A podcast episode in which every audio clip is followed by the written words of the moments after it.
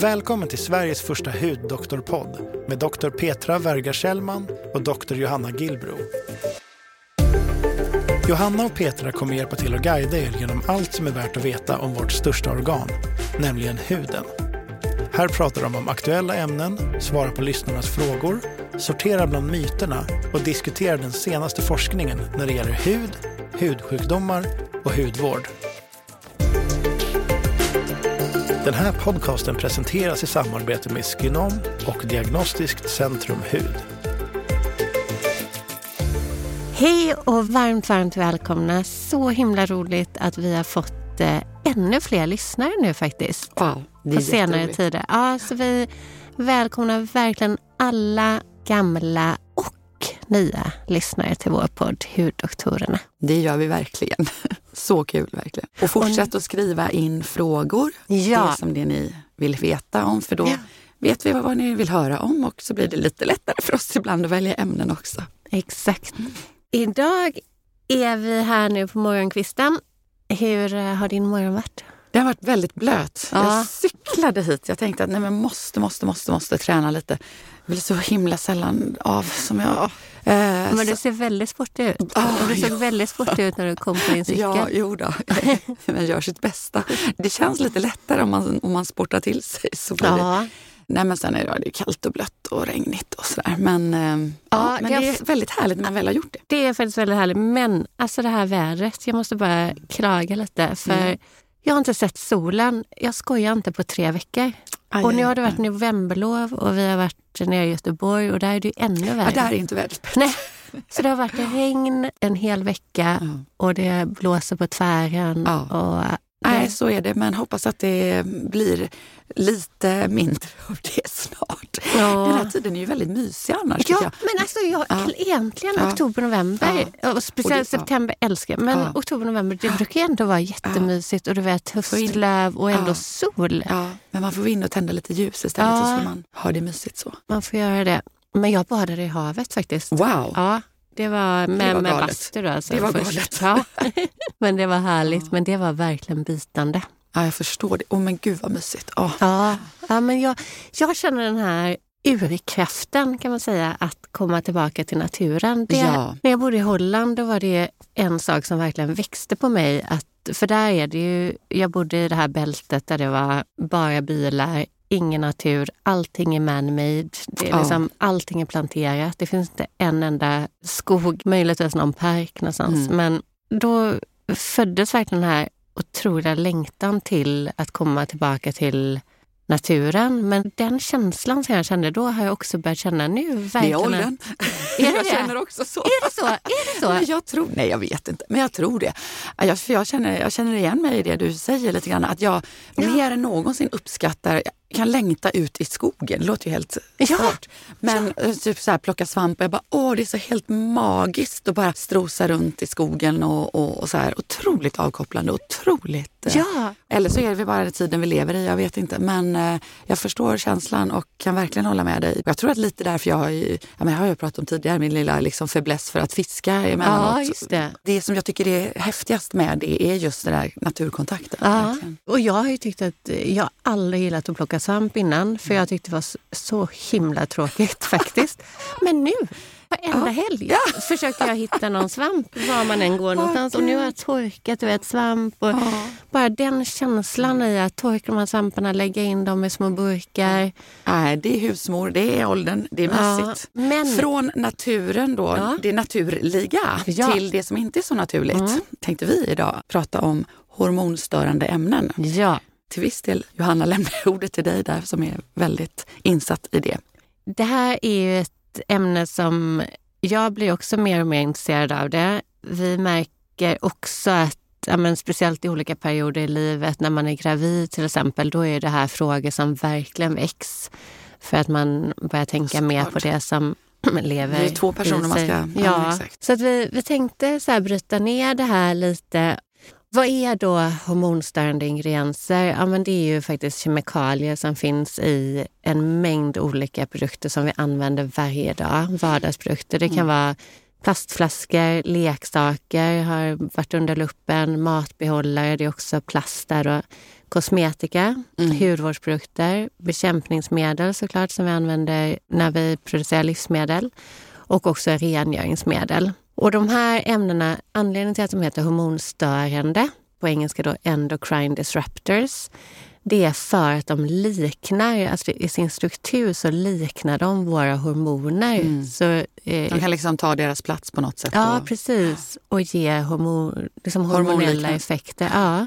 De påverkar alltså vårt hormonsystem och de binder också till våra hormonreceptorer. Och ibland så är de så lika så att de stimulerar, så att de har precis samma effekter. Eller så kan de blockera mm. mm. för att de har liknande effekt men de men inte aktiverande. Liksom. Exakt. Och, jag blir alltid lite eh, sorgsen när man börjar tänka på de här grejerna. Man blir lite, det är så mycket sånt som finns överallt, precis som du beskriver. det.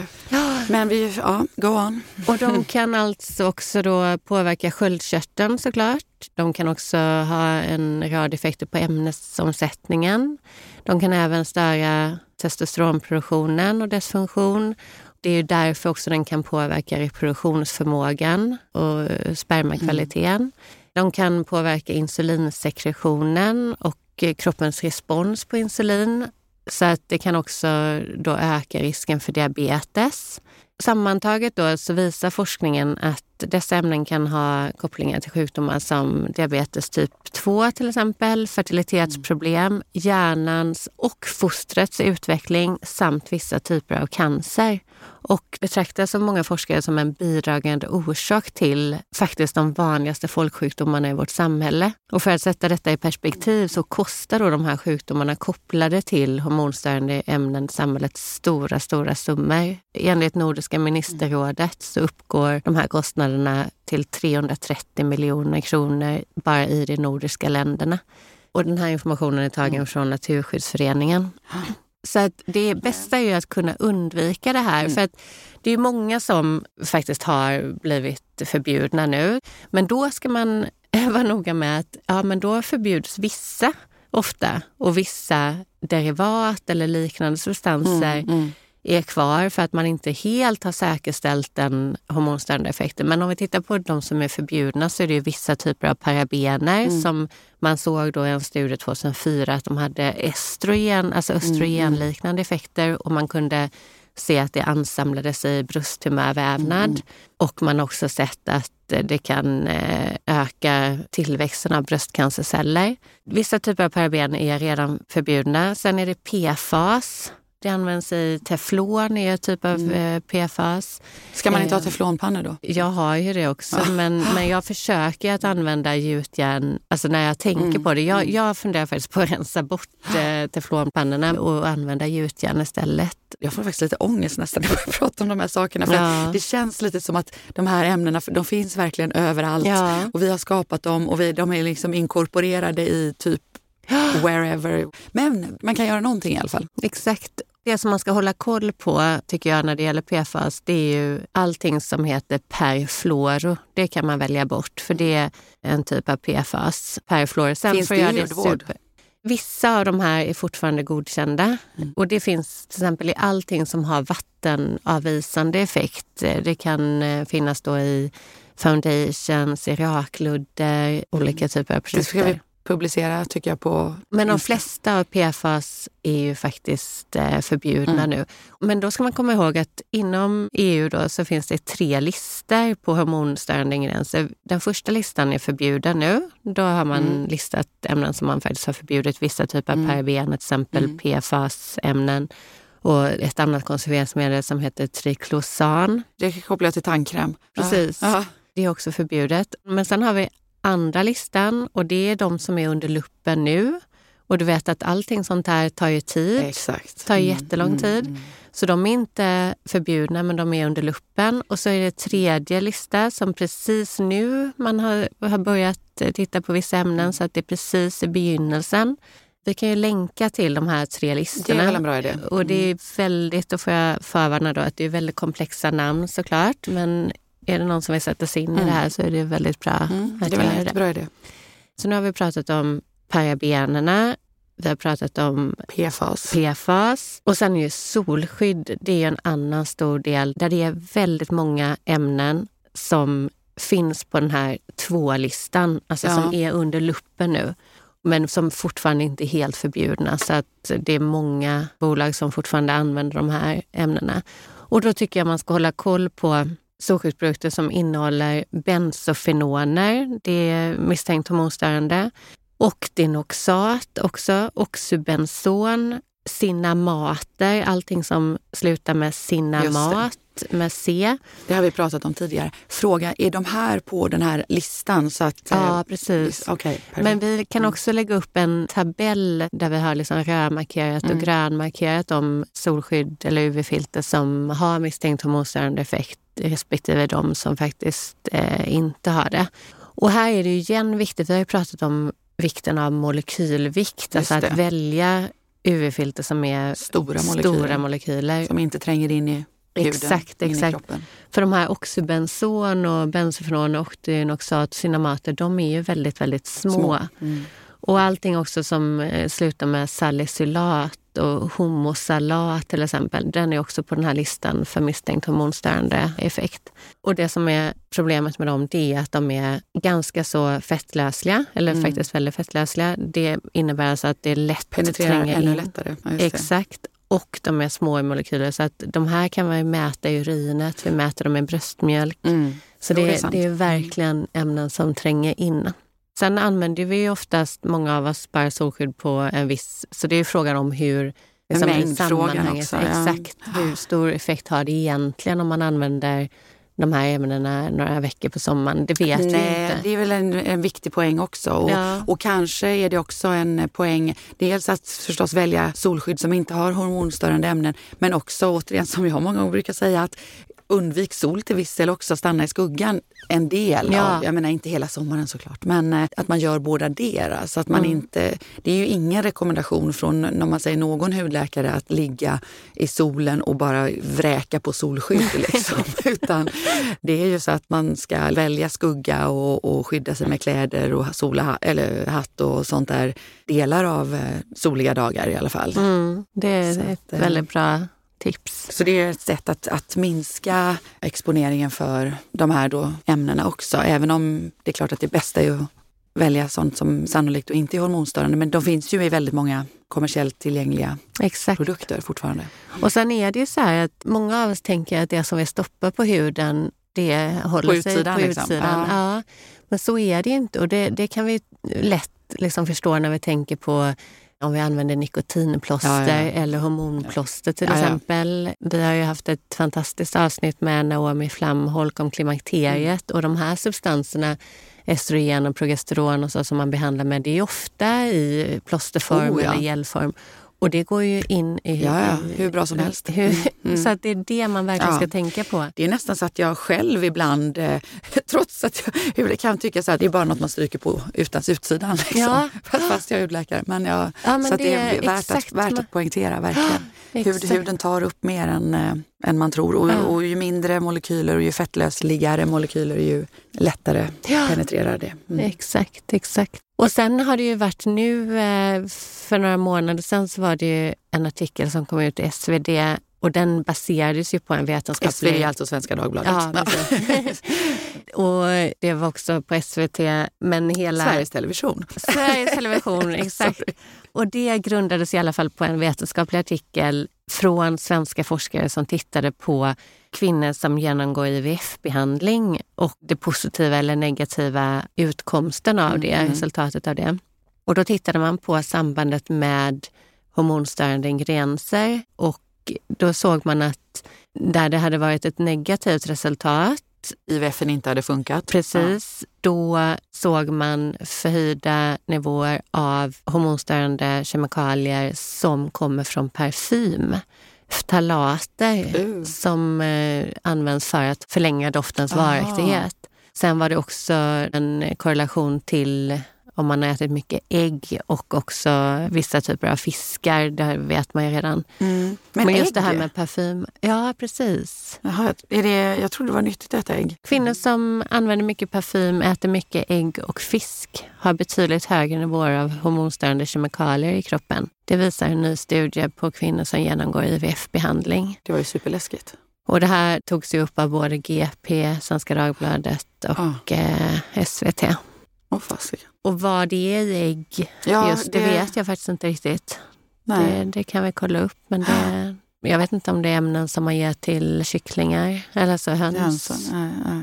Men eh, För det lät ju, i alla okay, fall. Parfymer, men jag menar att äta ägg och fisk, det låter ju mina öron som ganska sunt. Exakt, och, lite... och, skulle man äta ägg som inte har blivit behandlade på något sätt, där hönsen är helt ekologiska ägg, jag vet inte om det är någon skillnad Nej, där. Det skulle vara intressant att veta. Och sen faktiskt. är fisken som mm. man pratar om, det är också för att själva fisken har tagit upp hormonstörande ingredienser. Mm, ja, just det. Så att, eh, hade vi gått Eh, liksom back to our, our roots. Ja, ja, ja, ja, ja, gud ja. Jag tänker inte att fisken i sig är hormonstörande utan det är väl precis som ja. du säger, den har simmat runt i hormonellt vatten. Exakt, och exakt. Äh, blivit hormonstörd. Åh, herregud. Ett annat ämnesområde som jag tycker vi kan passa på att ta upp det är ju silikonerna faktiskt. Mm, mm. Och eh, de finns också på den här listan.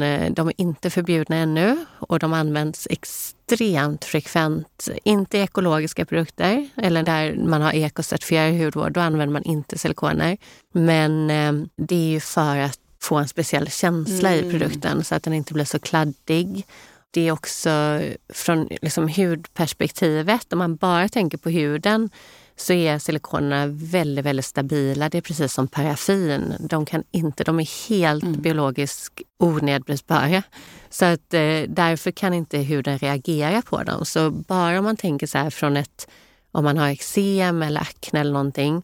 Från det perspektivet så är silikoner bra för att man kan inte reagera på Nej. silikoner. Som till exempel man har ju sårläkning så har man eh, silikonkompresser och sånt där. Man kan liksom inte reagera nej, på silikoner. Nej, Men problemet är igen att det är små molekyler, tränger in och de har misstänkt hormonstörande effekt, många av de här. Och många som sagt är på den här listan inom EU under luppen för mm. utredning. Vi kan också lägga ut här en lista på vilka förkortningar på INKI-listan som man kan leta efter och det är ju dimetikon till exempel. Allting som mm. slutar på CON, kon. Mm. Allting som slutar på siloxan är också silikoner. Mm. Vi lägger ut en lista mm, där tycker mm. jag på de här ämnena. Absolut.